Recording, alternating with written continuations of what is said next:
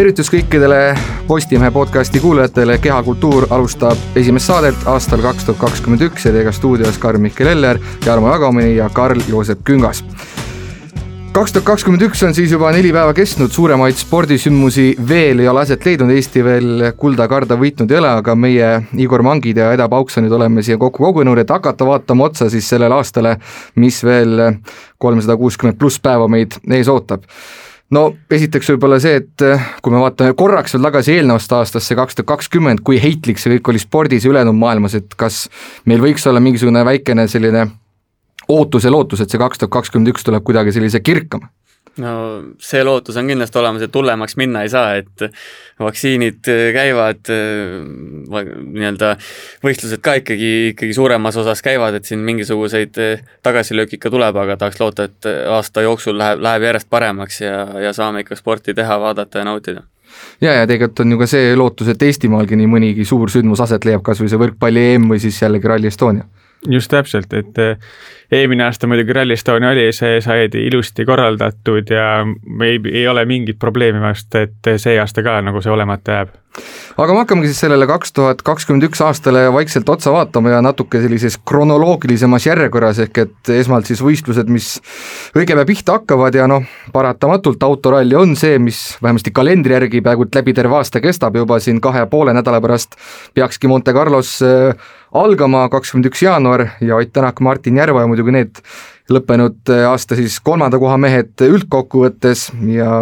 küsimus siis ongi, et mismoodi see kaks tuhat kakskümmend üks nende jaoks võiks kujuneda, et kahel, kaks aastat Toyotas ja, ja nüüd lõppenud aasta Hyundai's kahel aastal järjest tuldud siis võistkondlikuks maailmameistriks, et äh, sellest ilmselt nüüd tahetakse vast kõrgemale vaadata, et Hyundai'ga ollakse nüüd ka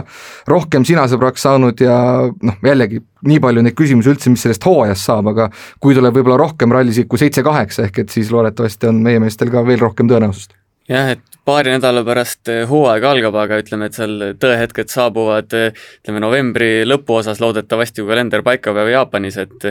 et ainult ühe eesmärgiga saame meie ja ma arvan, et eh, Ott ja Martin ka minna hooajale vastu, et see MM-tiitel tagasi enda, enda rüppe saada ja ma arvan, et see ongi selline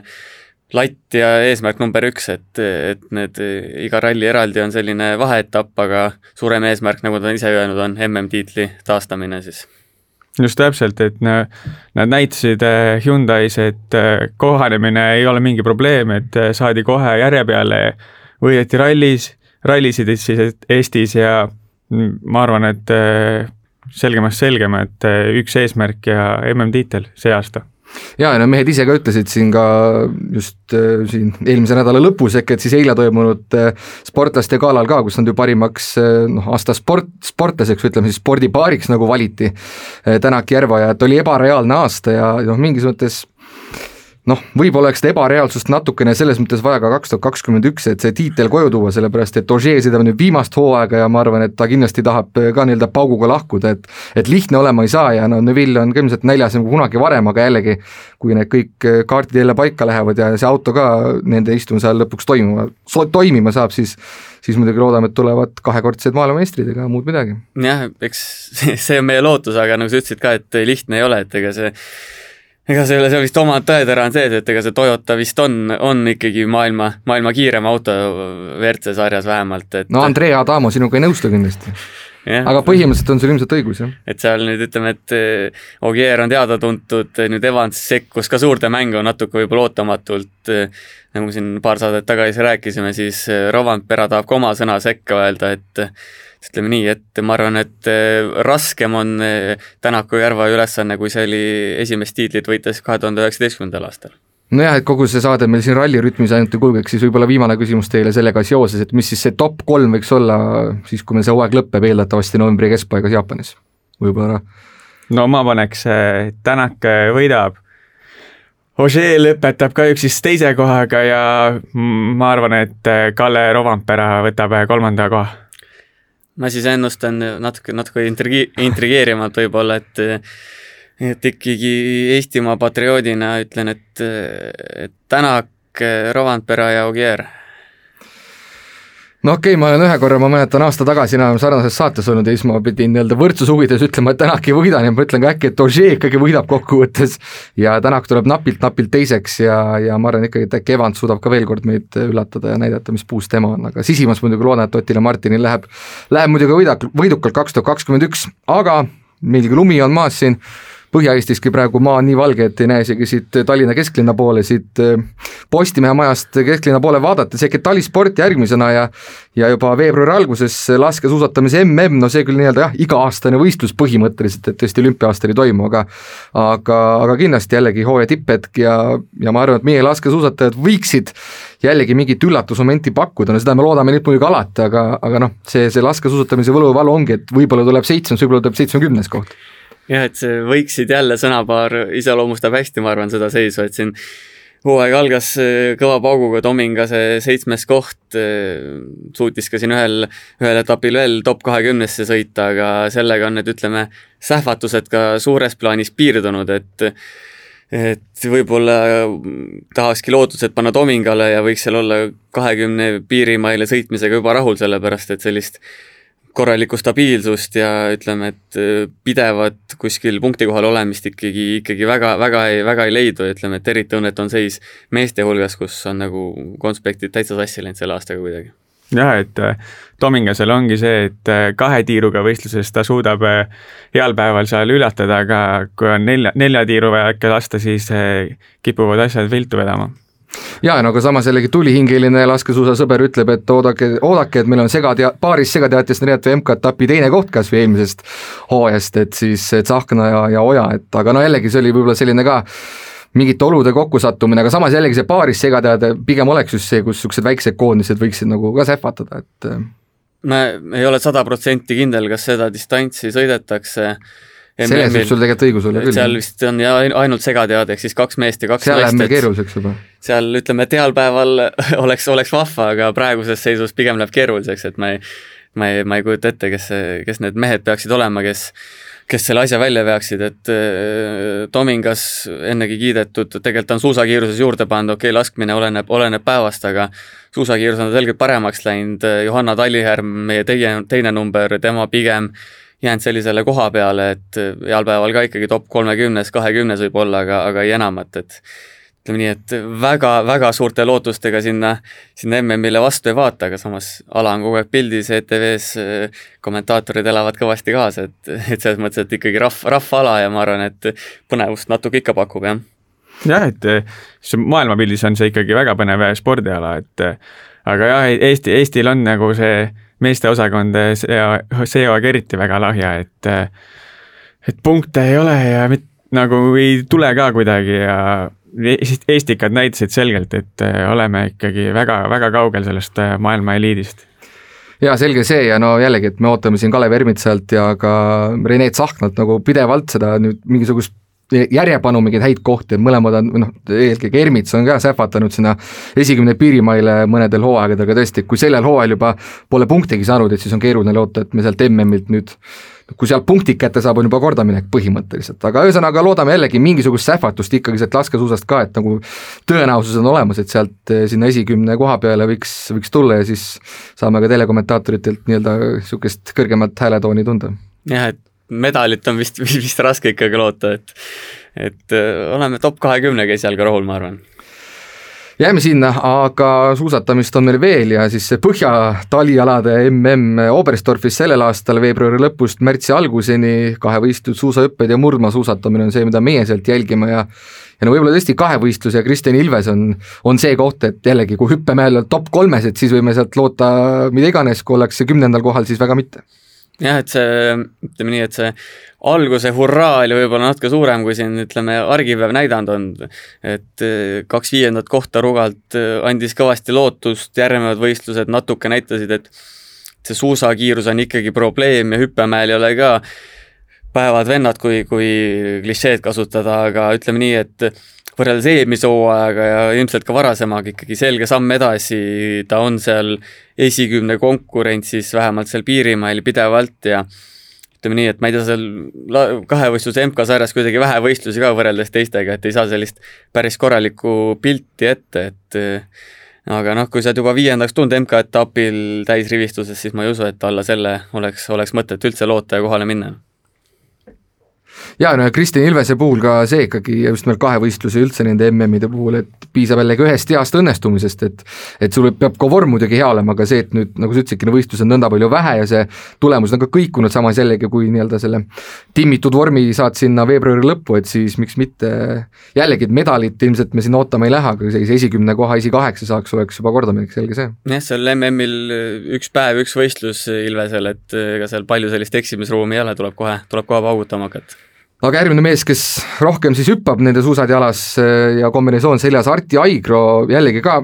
tuli ikkagi sähvatusega nagu selle hooaja alguses ja, ja natuke isegi stabiilsust ju tegelikult, et ta kogu aeg seal kolmekümne parema seas nagu on, aga samas jällegi, et äh, noh, jällegi, meil on seda ühte või kahte õnnestumist vaja nii-öelda kahes voorus, et et senimaani need MK-etapidki on näidanud, et ühes voorus ta võib nagu väga vinge hüppe panna, aga teises siis noh, eeldatavasti mõtleb natuke üle ja, ja ei tule enda nii-öelda selle vääriliselt välja. jah, et Aigro esimene tagasilöök võib-olla oligi sel hooajal nüüd see siin nelja hüppemäe turneel, kus ta pole kolme võistluse jooksul suutnud kolmekümne parema hulka, ehk siis ütleme nii-öelda punktidele hüpata, et siin viimasel võistlusel tal oli päris hea võimalus, aga siis teda seal küpsetati poomi peal, jälle kutsuti ära ja, ja nii edasi, et siis ta sai nii-öelda oma vääriliselt konkurendilt, kanadaselt suht kindlalt lüüa, et et äh, selles mõttes, et ei saa öelda, et, et ta nüüd oleks põrunud, aga ütleme, et hooaja algus andis, andis nagu enamaks lootust, aga eks siin taustal on eksperdid rääkinud ka, et et äh, Aigrole sellised äh, sobivad võib-olla kindlad mäed, et, tema, tema võib-olla sellised paremad kohad jäidki hooaja algusesse, kus olid talle sobivamad, sobivamad rajad ja hüpped, et et äh, igal juhul tubli poiss ja ma arvan, top kolmkümmend MM-il igal juhul kordaminek ja ja üle pika aja on põhjust jälle kellelegi suusahüpetes kaasa elada, et päris põnev ala ja päris põnev võistlus, et kui eestlane ka osaleb, siis, siis on igati vahva, jah. No ise, ise ta on öelnud, et MM-il ikkagi ootakse esikahekümne sekka jõudmist, et äh, tal on jah see, et ta on rohkem niisugune lendaja ja ta ei ole sealt, sealt hüppetornist siis niisugune tõukaja, et talle meeldib lennata ja see ongi praegu see, mis on need tulemused nagu alla vedanud ja kindlasti ka nagu närvi, närvid, et ta pole harjunud selles tippkonkurentsis mingi aastaid seal võistlema, et see on see värk jaa, aga samas jällegi noor mees, ilmselt tulevik on veel ees ja kuigi jah, suusahüpped pigem ongi sinna nooremapoolses oma need sellised tippsaavutused ära teinud, samas jällegi kui sa mõtled mõned aastad tagasi, kui tuldi välja selle hurraaga, et minnakse PyeongChangi olümpiale, eh, nii-öelda siis seda noh, teatevõistlust, see meeskonnavõistlust, teatevõistlust on raske suusahüppemäel teha, aga meeskonnavõistlust tegema lõpuks sinnani välja ei jõutud, aga samas jällegi seal ikka vihased noored mehed ja enam-vähem, et alla medali me tegema ei lähe, et iseenesest, iseenesest jällegi see suhtumine, mina võtan nagu mütsi maha, et, et lihtsalt ei ole ainult sõnad, vaid ikkagi näitad nagu taset ka. ja tegelikult on ju areng olnud, olnud märgatav, et liitus siin soomlas, soomlaste koondisega, Soome treeneriga, et nüüd on stabiilselt ikkagi seal ütleme, esimeses pooles teeb isegi soomlastele siin tihti silmad ette, et et esimese aastaga kohe selline, selline arenguhüpe ja äh, annab kõvasti lootust edaspidis, edaspidiseks küll ja ma ei tea, tal vist selline loomu poolest on ka suusahüppaja keha, et selline kergemat sorti ja, ja ei pea nii, nii, nii väga ennast näljutama, et olla parajas kaalus aga kui me läheme nüüd veel selle ühe ala juurde, ehk siis murdmaasuusatamine, mis samuti MM-il ja mis meile kulda kaarda läbi aegade on toonud, siis sellel aastal ikkagi ollakse ju vaeslapse seisus ja nagu siin hooaja alguseski öeldi, et üks mohikaanlane on jäänud, Marko Kilp, peaaegu et ainus suusataja, noh et siis õnneks on mõni veel MK-sarjas nüüd rajale saanud ja, ja kas või see Martti Himma nüüd viimastes sprintideski, tõsi, on ju vähenenud koosseisuga ja kõik see, aga, aga ka siin enne Tour d'Eski algust ju pääses kolmekümne parema sekka, aga jällegi, et et mis lootusi ja ootusi me saame nagu MM-iks miks ajada on, on iseküsimus. no see Marko Kilbi top kolmkümmend oli ka siin hooaja, hooaja esimesel, hooaja esimesel etapil selline traditsiooniline, et alati sinna jõuab veerandfinaali ja kui sealt, sealt midagi rohkem jätku ei tule, Martin Hima ka, tubli poiss, tegelikult läks suht radaralt läbi, jõudis ka punktidele, aga seal vist oli juba see võistlus, kus oli oluliselt nii-öelda hõrendatud koosseisus, et seal tippriike ei olnud, et eks see murdma selline, selline vahva ala on, et seega siin maksimum ongi, ma arvan, top kolmkümmend sprindi kvalifikatsioonis ja, ja edasine oleks juba boonus, et Kilbi tõid välja, Himma ka võib-olla siin naistest, Aveli Uustalu on, on natuke end pildile mänginud, täpselt ei oska aimata, mida ta saavutada võiks, pigem, pigem suurt midagi, et selline võib-olla top, top viiskümmend, aga rohkem väga siin kellestki rääkida ei ole, et Tatjana Mannimaa tähistab siin paari päeva pärast neljakümne esimest sünnipäeva, et tema vist MM-ile väga suuri tegusid tegema ei lähe. Jaa, et võibki öelda, et äh, Marko Kilbi kvalifikatsioonist edasipääsemine võikski olla see siis kõr-, kõrgem siht nii-öelda. et sealt on raske, sellepärast et jah, et et äh, praegu norrakad, äh, soomlased, rootslased ei osale ja kui nemad tulevad sinna kõvasti vajutama, siis on raske no igal juhul Postimehes Kanal kahes ja Kanal kaheteistkümnes Põhja-suusalade mm tuleb. Täies ilus ja hiilguses veebruari lõpus kuni märtsi alguseni ka teile koju kätte või kus iganes te Eesti nii-öelda piires asute, nii et Ilvesel ja Aigrol siis palume silma peal hoida, vaatame, mis siis teistest saab, loodetavasti pääsevad ka telepilti. aga X-mängud on järgmine selline asi, ehk siis Kelly Sildaru selline noh, leivanumber ikkagi aasta alguses olnud, et kui siin muid tiitlivõistlusi pole, siis tema sealt on alati uudiskünnist ületanud, üldjuhul kuldmedali võiduga või siis halvemal juhul mõne natuke tuhmema medali võiduga, aga samas jällegi, et, et pargi ja rennisõit on tema selline see leivanumber, aga see air on ka talle nüüd noh, viimastel hooaegadel tulnud nagu ka kavva ja, ja on isegi seal ju läinud hästi, tõsi, ei ole seal see kõige vaieldamatum esinumber. jah, eks see X-mängud ongi vist põhimõtteliselt selle ekstreemspordi ja freestyle suusatamise nii-öelda hierarhias, hierarhias olümpiamängude järel teine, et selline mm või natuke, natuke kõvemgi, et nagu sa ütlesid ka, siis kui sa oled nii palju medaleid sealt võitnud pargisõidus, kullad, rennisõidus kullad, et siis alla, alla selle pole mõtet eriti, eriti, eriti nagu arvestada ja ütleme, et see piikeer on võib-olla olnud selline natuke vaeslapse osas, kui nii saab öelda, aga sealtki on medaleid tulnud, et et kullad ja ütleme siis vähemalt medalid X-mängudelt igalt poolt mujalt MK-sarjas, kus ta, kus ta osaleb, et ega väiksemat sihti ei saa olla. Just, et äh, ta tegelikult ju naistes ikkagi domineerib seda pargi ja rennisõitu, et äh, sealt on raske nagu midagi muud oodata kui kuldmedaleid, kui sa oled lihtsalt kogu aeg aastalt aastasse nii palju teistest parem ja, jällegi, et ei taha küll nii-öelda alavääristada eesootavat aastat, aga kindlasti kõik hinges ootame kaks tuhat kakskümmend kaks Pekingit juba, et eh, see nii-öelda PyeongChangi valu saaks eh, minema pühitud, mis neli aastat tagasi oli, kel ei saanud võistelda, et et see ongi nagu see, mida inimesed ikkagi tähtsustavad olümpiakulda või medalit ju rohkem kui noh, ütleme jutumärkides arusaamatut X-Gamesi või neid muid asju, et et see olümpiamedal oleks nagu see, mida me kõik ootame, aga sinna on jah, rohkem kui aasta aega jah, et naiste puhul sellist, ütleme, et äh, vanusest ja kaalust ei räägita, aga tegelikult saab olema huvitav vaadata ka, et kuidas see Kelly Sildaru nii-öelda naiseks sirgumise teekond siis teda mõjutab, et ütleme siin big-air'is ongi võib-olla jäänud kaalu taha need nii-öelda hüpped ja sooritused, et äkki nüüd on, nüüd on seda, seda juurde tulnud ja äkki on ka nüüd seal mingeid muutusi või siis ma ei tea, teistel aladel see kuidagi segab, et, et saab näha, aga ütleme, et senine praktika on näidanud, et et isegi kui Kelly väga ei treeni või ei võistle, siis ta rajale tulles on ikka kõige parem, nii et vaatame, kas see trend jätkub. igal juhul selge see, et klikimagneet Kelly Sildaru Eesti meedia ja inimeste jaoks jätkuvalt on, et sellest me ei pääse, ei tahagi pääseda kindlasti, aga jätame siis talispordi sinnapaika ja hakkame vaikselt jõudma siis juba noh, kevadperioodi talve lõppu ja kui korvpallurid hakkavad saalis tegusid tegema, et veebruaris peaks olema siis see hetk, kus saaks selgeks, kas Eesti pääseb siis kaks tuhat kakskümmend kaks Euroopa meistrivõistlustele finaalturniirile või mitte kaks korvpallieksperti Postimehe toimetuses, Vilja-Arik on veel puudu, et istuvad siin minu vastas, et mis te arvate, et kas see tundub lihtsalt nagu nüüd tegemise küsimus ja põhimõtteliselt on asi kindel või ikkagi tuleb mehe eest nüüd väljas ka olla see viimane aken? no päris nii ei saa öelda, et ainult vormistamine on, et ikkagi tuleb,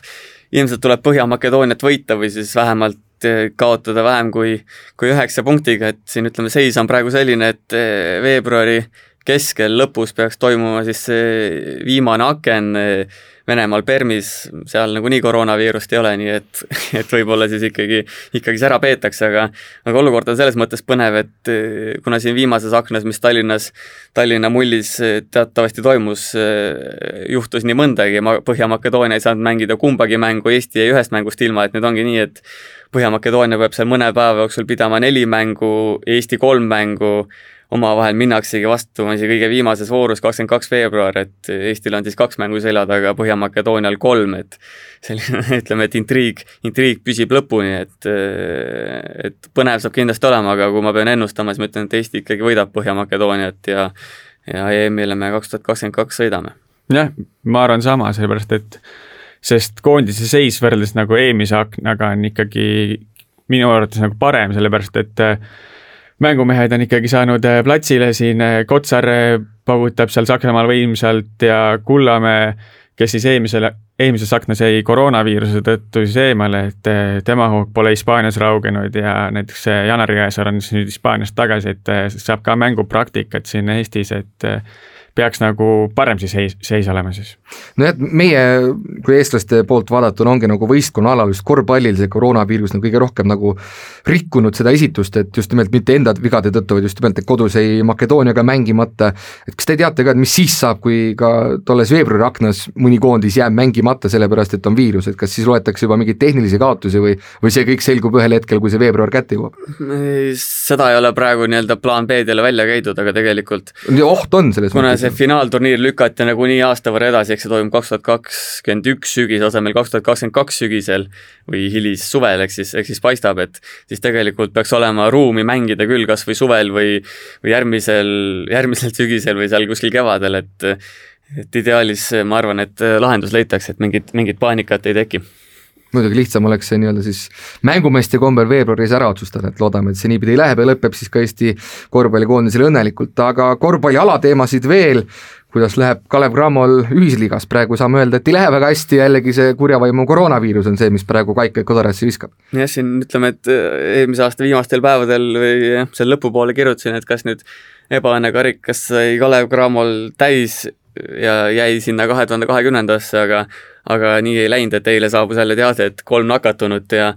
ühisliiga mäng, mis täna pidi toimuma, lükkub edasi, tõenäoliselt lükkub edasi ka üheksanda jaanuari mäng, mis pidi siis toimuma Poolas Selona Koraga, et kümnepäevasest isolatsioonist vist meie mehed kuidagi, kuidagi ei pääse, et ei tea, ei saa kuidagi seda, seda vankrit veerema, et koosseis on koos, ideaalis võiks mängida play-off'i koha eest jälle, aga, aga selline, ütleme, kohvipaksult ja ütleme, seina pealt ennustamine, et et ei tea, kuidas ühisliigas läheb, et see play-off peab olema eesmärk, aga ei tea, kuidas üldse mängud pihta hakkavad ja, ja nii edasi. jah, niisugune, kui on pidev niisugune mängupaus ja värk ja siis nagu ei jõuagi sellist rütmi nagu tekitada ja nagu hea tuhhi peal sa ei saa järgmisele mängule minna, kui sul jälle mingit tagasilöök järsku tekib, et praegu on kirjas üks võit, et see on küll nukker, aga see annab, annab kõnneste parandada, sellepärast et näiteks play-off'i piiri peal siis see Leona Cora on äh,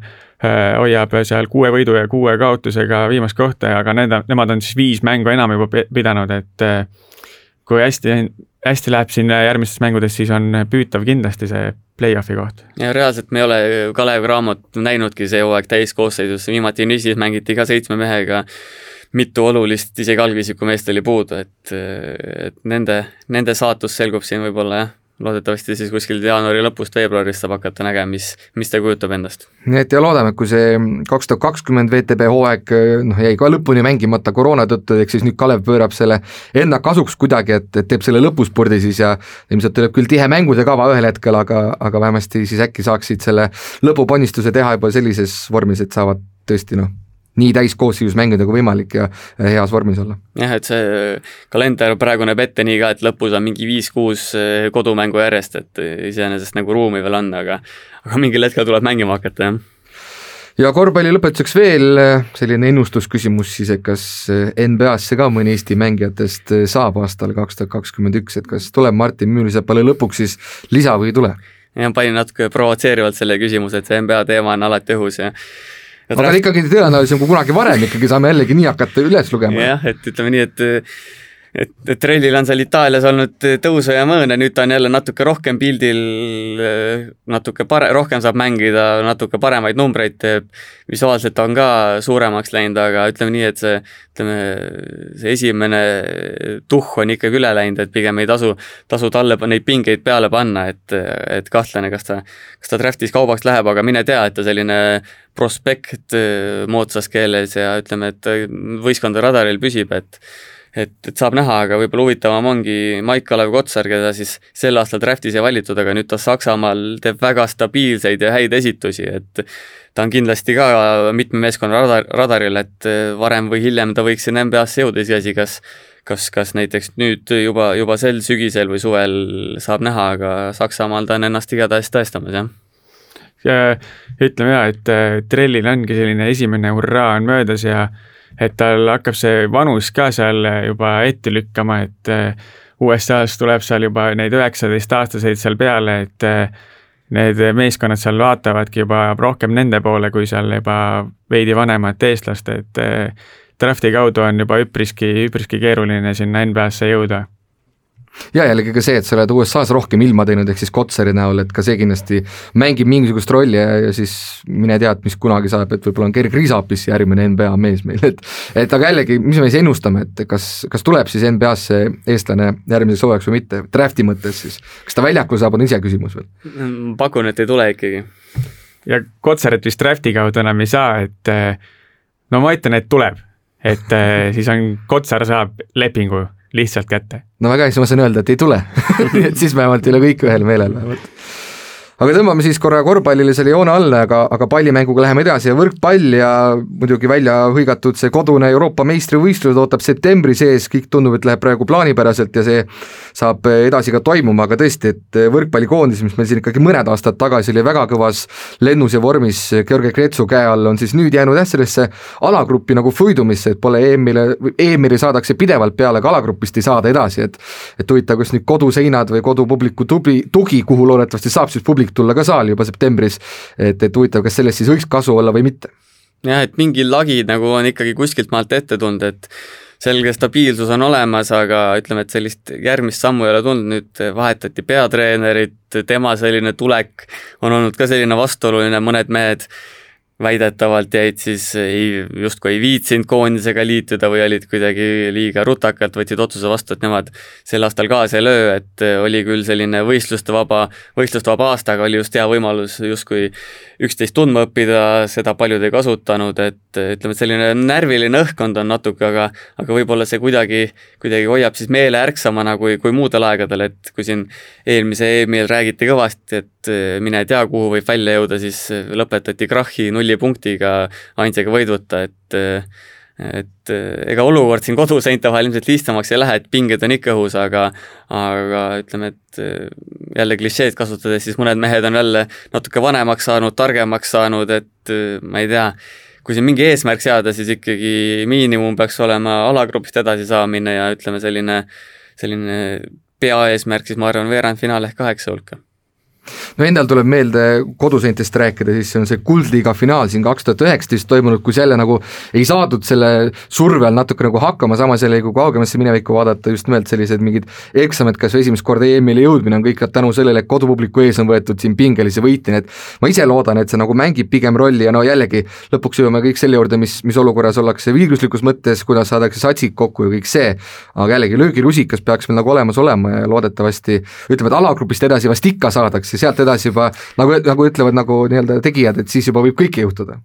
No sa räägid nii kindlas kõneviisis, aga, aga loodame, et loodame, et nii läheb ka, et ega siin ütleme, et eh, vanameister Gert Toob oli ilmselt eh, viimane suurturniir, et no, kui teda ei ole, siis on keeruline, sidemängija osakonnas jah, et seal ütleme, et mingeid noori tuleb, aga ilmselt temale veel päris sellist väärilist, väärilist konkurenti ei ole ja ütleme nii, et siin jah, oleneb meie nendest tippmängijatest ka, et äh, Teppan praegu mängib kodus äh, venna kuskil äh, Aasias suhteliselt suvalises kohas, on ju, Robert Täht on pool hooaja või siin ütleme, osa hooajast olnud vigastatud, et ütleme, selliseid küsimärke on, aga ütleme, et teatud, teatud tsoonid on, on kindlad ka, et keskblokeerija temporündajate osakonnas paistab valikut olevat, ühesõnaga jah, et põnev ja põnevaks läheb ja ootame seda sügisest äh, finaalturniiri kindlasti pikisilmi. jaa, ja kodusel võrkpallipublikul on põnev olnud kogu aeg, sest et nii palju koondise mängijaid pole siin koduses nii-öelda siis Eesti, Läti, Leedu liigas nagu enne mänginud, et, et siin välja tuua veel ka see, et mismoodi see kodune hooaeg oma kulminatsiooni saab, et, et Saaremaa enam, okei okay,, tõsi, on tabeli tipus ja, ja ikkagi pigem kindel liider, aga, aga jällegi on näidanud ka, et on haavatav ja, ja, ja ole näha siis, kuidas, kuidas nemad nii-öelda selle ka koorma all seal hakkama saavad, pingekoorma all ja ütleme nii, et see kodune liiga on parajalt intriigi tekitanud, et seal on sellised, ütleme, mingisugused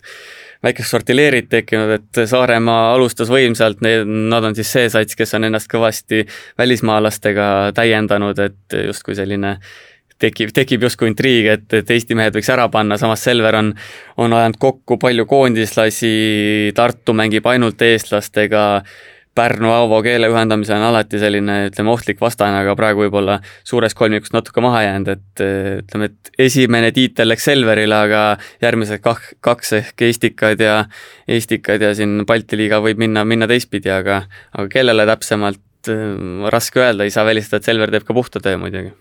no ma arvan ise ikkagi läheks nüüd siis, kui me jällegi teeme mingi ennustusvooru, siis ma arvan ikkagi, et Saaremaa on see, kes ütleme siin, et võtab kõige rohkem, kui lööme need kolm karikat kokku, noh, kolmanda enam võita ei saa, nagu sa ütlesid, Selver on juba enda oma võtnud, aga aga ma ikkagi millegipärast julgeks Saaremaa peale panustada. No kui ennustame, siis ma ütlen, et Selver võtab kaks ja Tartu ühe ja Saaremaa ja Pärnu jäävad täitsa ilma no peaasi, et loodame, et siis nii-öelda klubi motivatsiooni ei kaota selles, selles äh, tulevärgis, igal juhul või oleks kõige parem, kui kõik saavad midagi, see on ka midagi, kuigi neljasest seisust keegi jääb välja ilma, nii et noh, eks me näeme siis seda juba kevadel, kuidas see kulminatsioon võrkpalli kodustes liigades olema saab aga üks suur pallimäng veel, vaata et kõige suurem neist, jalgpall ja võtame siis koondise kõigepealt, no madalseisus selgelt ollakse jätkuvalt, me ei tea, kes on uus peatreener, me teame seda, Voolaid ei jätka, aga, aga kelle juhendamisel edasi minnakse ja eks siis ka tema peab ütlema, mis siis need konkreetsed eesmärgid peavad olema, igal juhul uus valikturniir on ju ka välja juba hüütud, kellega alagrupis ollakse ja, ja on nagu pidevalt siin ikkagi jäänud mulje, et me ikka oleme nii kõva jalkariik, et Valgevenele tuleb tuul alla teha, ma ise tegelikult nii optimistlik ei oleks, et pigem oleks see kordaminek, ma ütleksin. jah, ütleme nii, et äh, ringkondades räägitakse, et äh, Toomas Häberli on siis üsna kindlalt äh, jalgpallikoondise uus peatreener. Šveitsi kooli saab näha, et jah, et ka võib-olla peab siin see paika, et palju hullemaks ei saa minna. ma ei tea, siin olen kirja pannud ka, et esmajärjekorras võib-olla siis selline üldpildi ja mängupildi paranemine, et võiks sealt, sealt pihta hakata, aga jah, et ütleme, et Valgevene edestamine ei ole päris selline, et et, et lähme ja teeme, et eh, see peab olema eesmärk, aga ei saa seda kivisse rõhuda, et see ka tuleb ju, et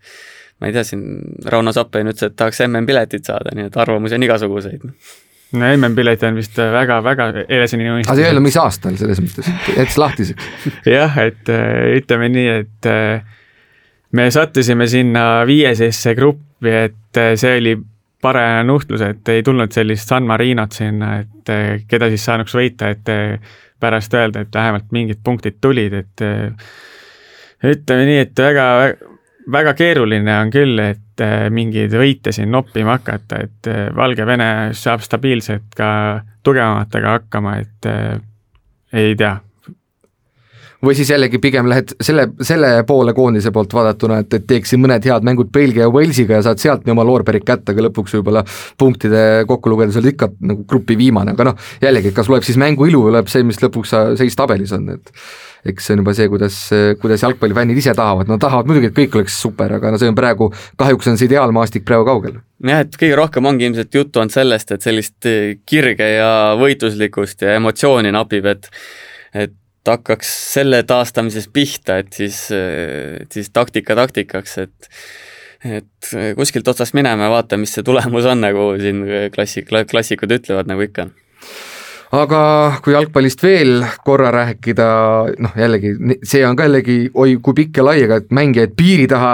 noh, Rauno Sappinen siin parimaks valitud mees, kindlasti sinnapoole ta kiikab, aga aga mis siis veel või, või, või noh, jällegi, kui me vaatame ka nendest mängijatest, kes juba piiri taga on, eks ole, Ragnar Klavan, kaua tema veel sellel tasemel jätkab ja nii edasi, et temal on jällegi see koroonaviirusest taastumine võtnud siin aega rohkem kui võib-olla, võib-olla mõnel teisel mängijal, aga eks vanus ka juba selline. jah, kas ei ole vist mingisugune saladus, et siin koondise nii-öelda arengule ongi ainuke lahendus see, kui meil on rohkem mängijaid piiri taga ja ütleme, et heades liigades, et siin ütleme, võime seda professionaalsuse asja rääkida küll eh, premium-liigas, aga aga tõsi on see, et ega siin eh, erilist taset ei ole, seda näitavad ka eurosarjade tulemused, eh, sähvatusi on, aga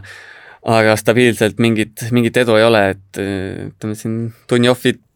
teised noored, kes on vaikselt nagu nii-öelda eeskuju, eeskuju näidanud, teed rada, rajanud, et äh, vaikselt sinna neid mängijaid läheb just nagu korvpallis siin umbes kümnenda võib-olla natuke palju, aga hakkas vaikselt minema, et sealt see järgmine tõus hakkas, et see võiks olla selline edu valem praegu, jah. jah, sest äh, ainult Eesti liiga mängijatega on ikka väga raske, kui seal ikka tuleb sulle vastu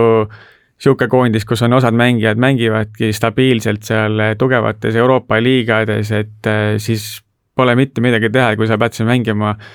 ma ei taha midagi halvasti öelda, näiteks mingi Tartu või see Viljandi kohta, et aga nagu kui sa mängid päevast päeva nendega, siis sul ei lihtsalt ei, see tase ei tõuse lihtsalt nii ku, mitte kuskile nagu ja, ja just nimelt, et kui sa ka viidud korra jutu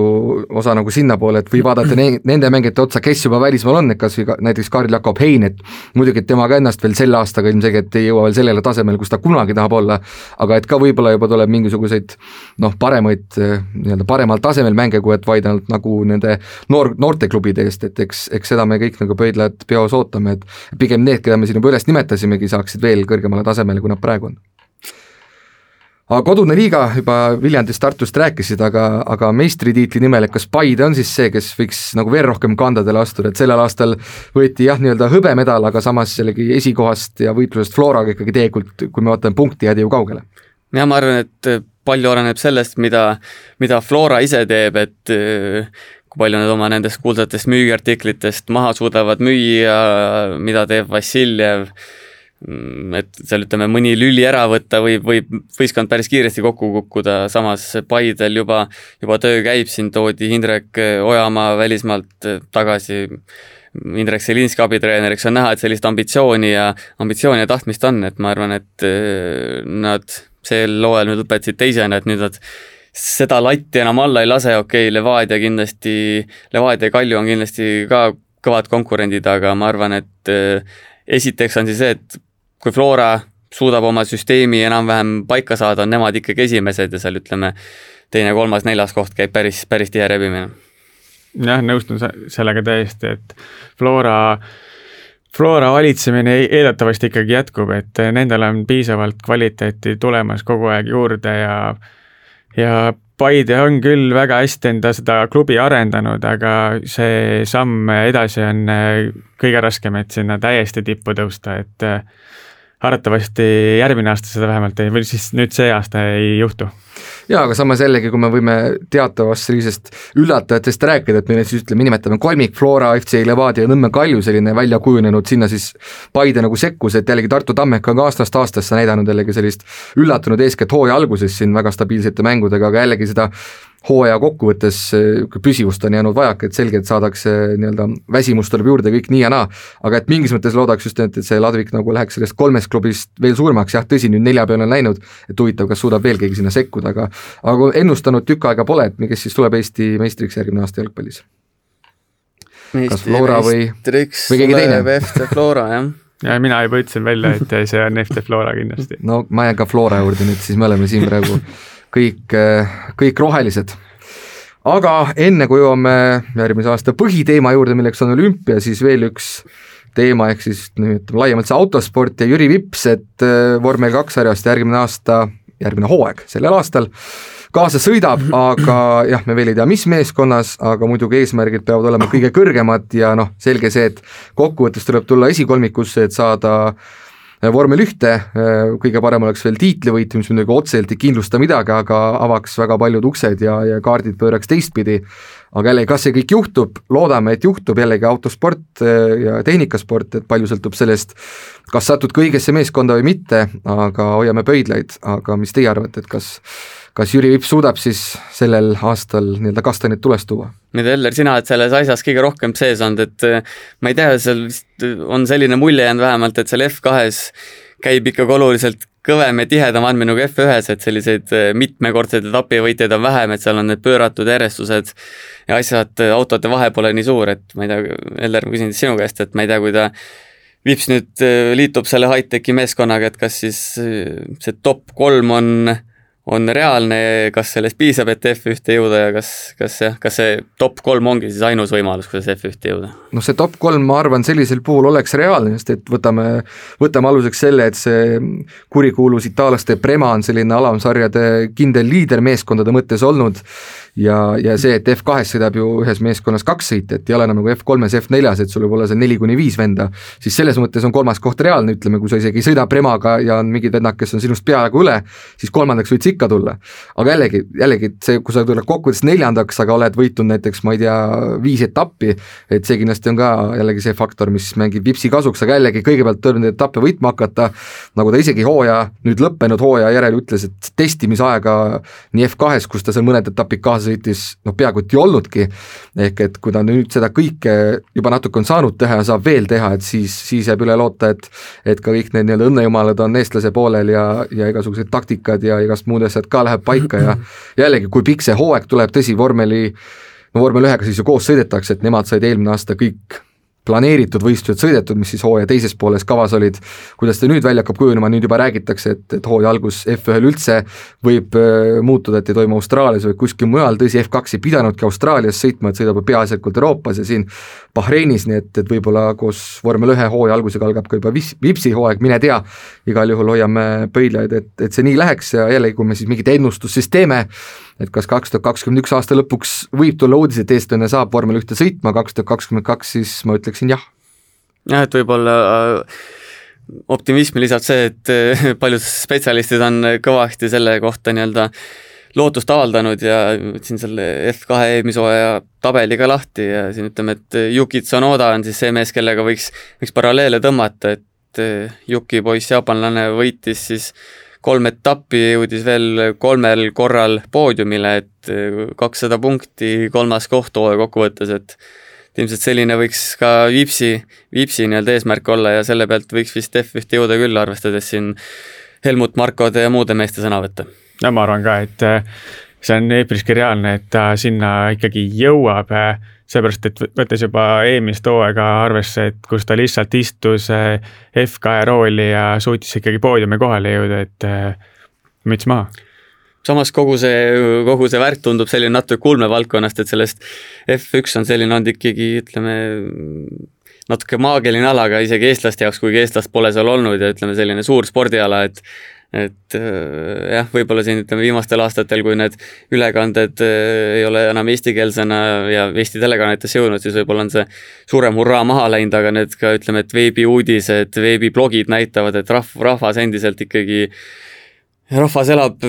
vormelirütmis ja on selline, eestlane on mootorispordirahvas, et ma ei tea, mis siis juhtuma hakkab, kui Vips tõesti jõuab sinna, et siis ma arvan, et võib päris selline korralik buum, buum plahvatada. ja et siis võib-olla esimese hooga pannakse sellele Austria energiajoogifirmale mõni poodium või selline ausammas Tallinnas või kus iganes mujal püsti, aga aga jah, isegi ütleks ka, et pigem tunduks mõni aasta tagasi vaadates, et tõenäolisem, et eestlane tuleb autoralli maailmameistriks, kui et see, et eestlane pääseb F1-te, et võib-olla juhtub juba kaks tuhat kakskümmend üks lõpus või siis hiljemalt aasta pärast, et need mõlemad on reaalsus, elame-näeme. aga lähme siis juba trummipõrina saatel järgmise aasta kõige oodatuma sündmuse juurde, eh, Tokyo olümpiamängude juurde, ametliku nimetusega siis Tokyo kaks tuhat kakskümmend, aga ilmselt siis tõmmatakse ka seal mõni logo teistpidi, igasugused eh, superkujundajad eh, lüüakse minema, tuleb see nulli asemel üks panna aga mida me siis sealt ootame, mitut medalit me ootame, hakkab alade kaupa sellest pihta, no kergejõustik on see, kus kindlasti need ootused, lootused noh, isegi võiks öelda, et aegade mõttes on ju kõige suuremad olnud, kui siin nüüd viimast kahtekümnendit vaadata, et no Magnus Kirt on muidugi see nimi, odav ise, mis on teinud see kurikuulus õlg, me tegelikult praegu keegi veel ju ei tea. jah, et selline üldine mulje on ikkagi jäänud tema sõnavõttudest ja kommentaaridest, et äh, õlg on terve või terveks saamas, saab varasemate koormustega harjutada, treenida, aga, aga ütleme nii, et, et see tõehetk saabub ikkagi siis, kui oda käes on ja võistlused pihta hakkavad, et ütleme, et siin on, ajalugu on, on näidanud ennegi, et mingisugustest äh, psühholoogilisest, psühholoogilistest võib-olla tõketest ei saagi sportlased üle Kirt on võib-olla selline, ütleme, et odaviski tipus olnud suht vähe aega ka, et ma ei tea, selline natuke kõhe tunne tekib asjast rääkides, aga, aga lootus on, et kui ta vähemalt äh, sarnasele tasemele jõuab nagu enne vigastust, siis äh, olümpiamedal ei tohiks probleem olla. jah, et äh, Kirt paistab nagu niisugune ikkagi enesekindel mees, et mina arvan, et tal niisugust otsest barjääri ei teki mentaalselt, et see on küll raske ületada, aga ma usun vähemalt, et tema on selleks suuteline jaa, et kui see vigastus kaks tuhat üheksateist seal Dohas ju juhtus, et juba siis mõned eksperdid võtsid ju kohe sõna, et sellisest vigastust sportlane põhimõtteliselt ei ole võimelinegi taastuma ja kõik mis iganes. tõsi, ega me täpselt ju ei teagi, kuna kaks tuhat kakskümmend võistelnudki ja olümpia ka lükkus aasta võrra ju edasi, ehk et selles mõttes jällegi kõik need võimalused on kaks korda suuremad, kui need oleks olnud Tokyos kaks tuhat kakskümmend, nii et eks see lõplik tõde selgub jah, tõsi, juba Jaapanis kohapeal, aga jällegi need esimesed võistlused, millal need toimuma hakkavad, tema jaoks täpselt me ei tea, aga eks need annavad ka mingisugust indikatsiooni, et et kas me siis tasub nagu heietada lootust või, või mitte, igal juhul ma isi-, isiklikult kindlasti loodan, et et see oleks selline imeline tagasitulek ja, ja võiks, võiks minna hästi. nõus jah, et siin ütleme nii, et pigem ta otsustas hästi, et ta siin ütleme, ei võtnud liigseid riske sel hooajal ja ei hakanud vägisi võistlema, et äh, see paus, paus kindlasti mõjub talle, mõjub talle hästi, saab korralikult asja välja ravida, ehk siis, ehk siis ole näha, kas kas äh, sellest on kasu või mitte, jah. aga kümnevõistlus edasi minnes kergejõustikuga, siis kümnevõistlus ka ikkagi meie selline paraadala olnud, äh, Erik Nool olümpiavõitleja kahtlemata, olümpiavõitja kahtlemata, tema enam tegusid äh, aktiivses spordis ei tee, aga seal on meil nüüd niisugune plejaad peale tulemas, et äh, kõik nendest nimedest, kes meil on ette lugeda siia, suure tõenäosusega ei pääse olümpiale pealegi enam, aga, aga lihtsalt kodune tase, noh, kui palju ta enam kodune on, aga riiklik tase on lihtsalt nii kõva, et, et sa ei saagi võib-olla kõige kõvem mees ei saagi peale jah, et selles mõttes jälle põnev vaadata, et et justkui võiks pidada Maicel Uibot meie, meie parimaks kümnevõistlejaks, suurimaks medalilootuseks, samas siin ütleme, et Johannes Erm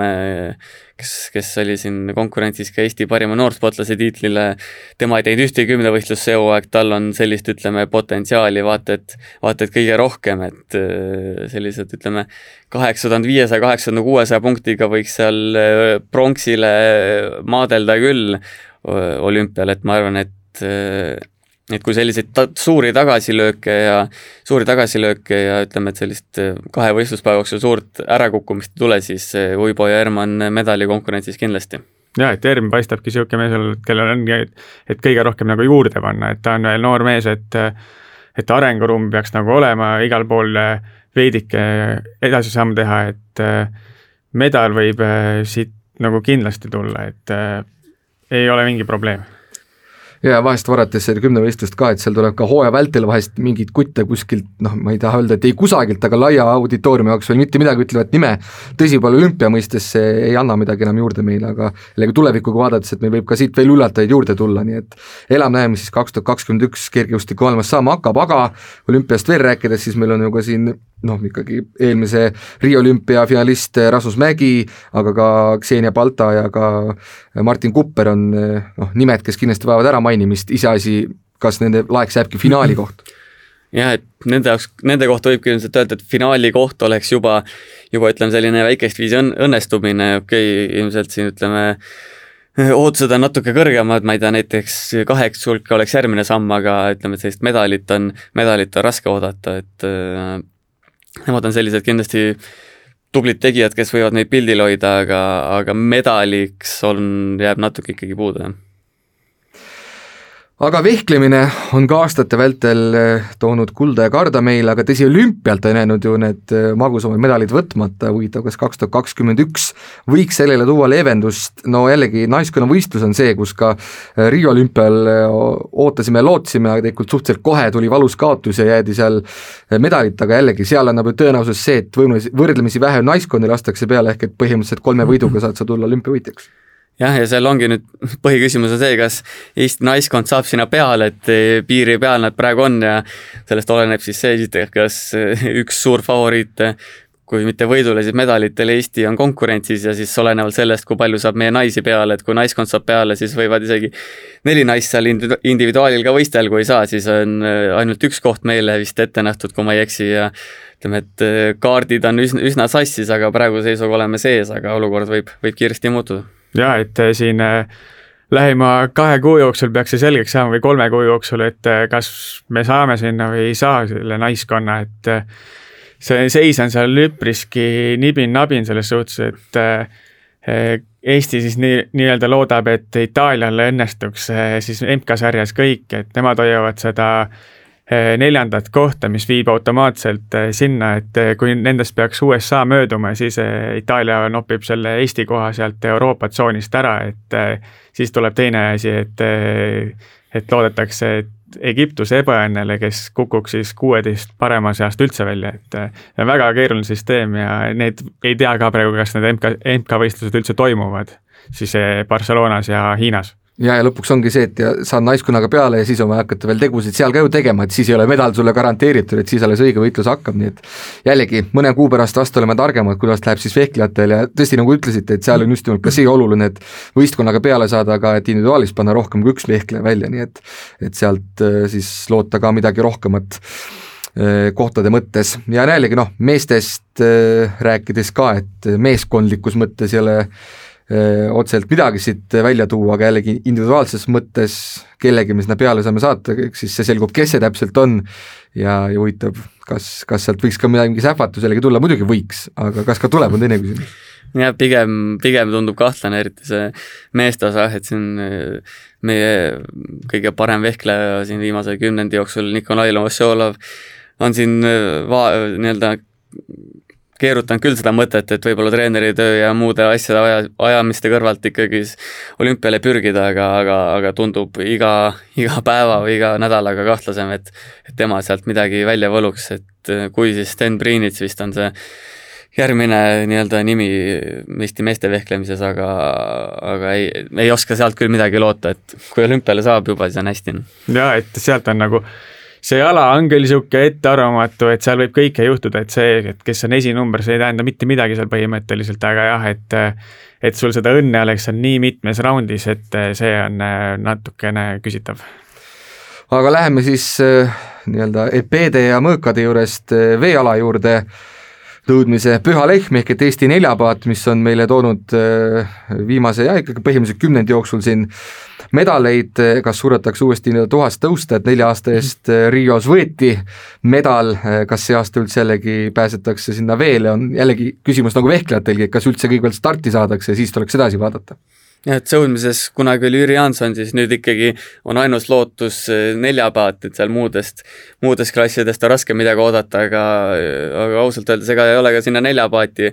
suurt usku, et need eh, viimaste aastate tulemused eh, on jätnud sellise kehva maigu siin uue treeneri käe all, mingi teatud tõus või stabiilsus leiti, aga ütleme, et need tegijad on ikka need vanad samad juba, kes, kes üsna, üsna palju võitnud, et äh, üks pool on see nii-öelda motivatsioon, motivatsiooni küsimus, et ma ei usu, et neil seda puudust on, aga kuskil kuklas on ikka, et ikka võib-olla selline tunne, et,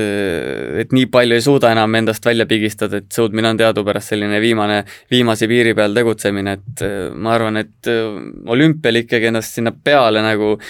surutakse viimasel hetkel, aga medalimängus me paraku ei ole, jah jah, sest on juba, kuna see neljapaat siis koosneb neljast mehest ja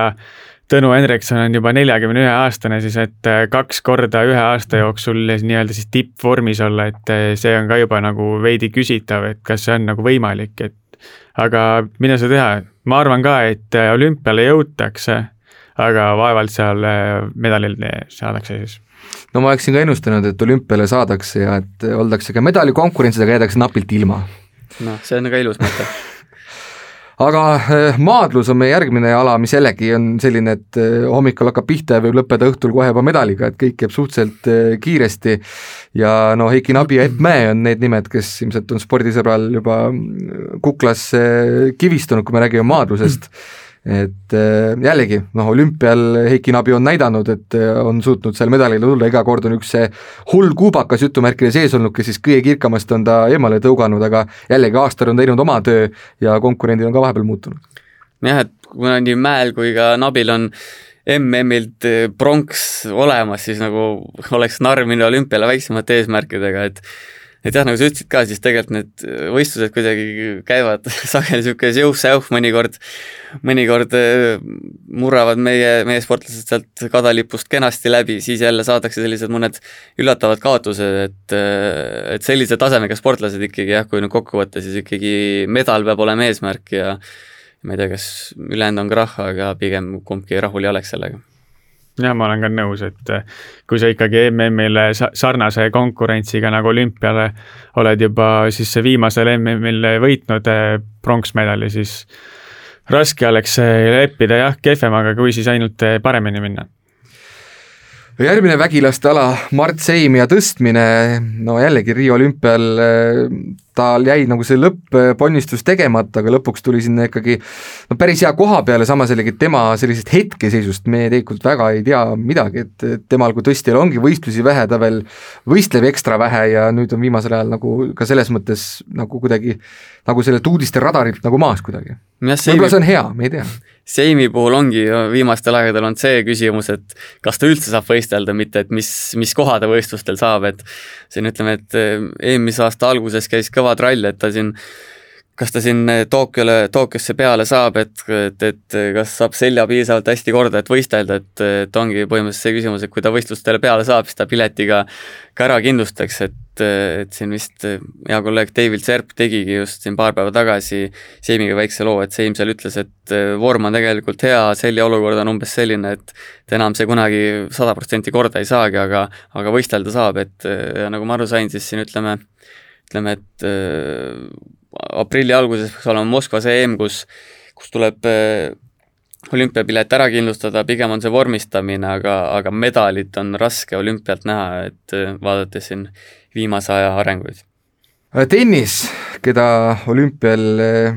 eestlanna või eestlaste koosseisus pole suutnud ammu jälgida, Tokyos on see väga tõenäoline, iseküsimus, kas siis individuaal- või paarismänguna, aga muidugi Anett Kontaveit ja Kaja Kanepi on need, kelle peale me ootame-loodame jällegi ka seal, kui mõtleme kas või eelmise olümpiapeale tagasi, kus Monika Puig võttis kulla, et siis eh, võivad seal ka sähvatada need staarid, kes võib-olla muidu suurtel slämmidel alati poolfinaalidesse ei jõua jah, et edetabeli järgi peaks saama viiskümmend kuus paremat peale, seal Kontaveit on kindlasti sees, Kanepi kindlasti seal, seal sees ei ole, seal ütleme, paaris mängus peale saamiseks on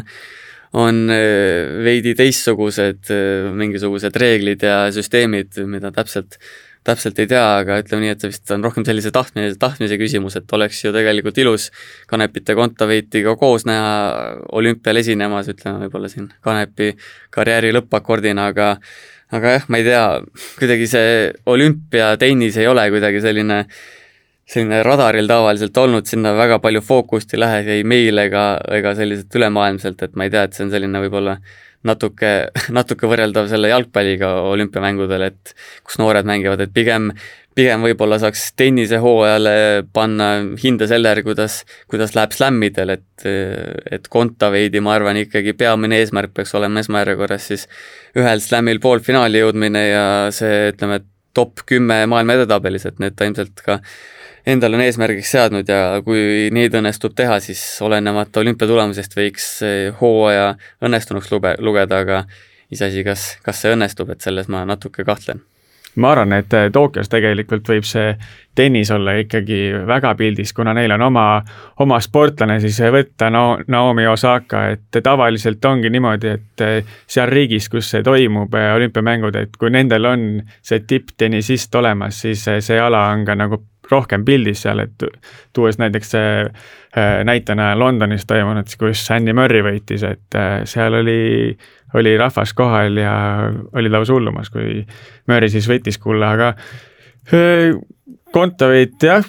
mine sa tea, seda võib täiesti üllatada seal, et see on üks turniir, see on täiesti vabalt naiste tennis, miks mitte seal kaugele-kaugele jõuda loodame, et eh, nii võiks siis minna, aga jalgrattasporti oleme ka veel eraldi välja toonud ja, ja Tanel Kangert, kes tegelikult ehm, ka kaks tuhat kuusteist eh, Rioski esikümnesse jõudis, nii et aga, aga seda küll siis jah, grupisõidus, aga temposõit on tema selliseks leivaks kujunenud, ma isiklikult küll ei tea, missugused need Tokyo trassid täpselt seal temposõidus välja näevad, aga aga muidugi, eks variant oleks, aga, aga jällegi noh, mingis mõttes nagu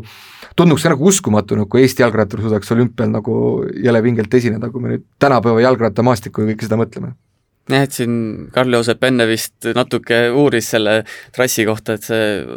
ühistardiga distants peaks olema sellisel päris raskel rajal ja alati räägitakse, et see nüüd meie meestele sobib, aga aga see on selline jutuks hea alati, et, et eelmisel olümpial vist Kangert sõitis täitsa okeilt kuskil top kümnesse, aga ütleme ka, ütleme nii, et see on selline ka natuke võib-olla juhuslik, et medalit oleks raske nagu jalgrattaspordist olümpialt loota. ja kui, kui siis temposõidus ongi, et viimastel aastatel ongi äh, Kangert seal näidanud, et ta suudab nende kõige kõvemate meestega seal võidu sõita, et MM-il sai ta seitsmenda koha medalist, jäi seal lahutama vist vi alla viieteist sekundi, et et heal päeval on kõik võimalik, aga aga siis grupisõit on jah, selline väga-väga raske distants, et kakssada kolmkümmend neli kilomeetrit, et isegi suurtuuridel ei sõideta nii pikki distantse enamasti ja seal tõusumeetrid oli üle nelja tuhande ja enne finišit on väga-väga keeruline tõus, et ütleme nii, et eestlasele vast,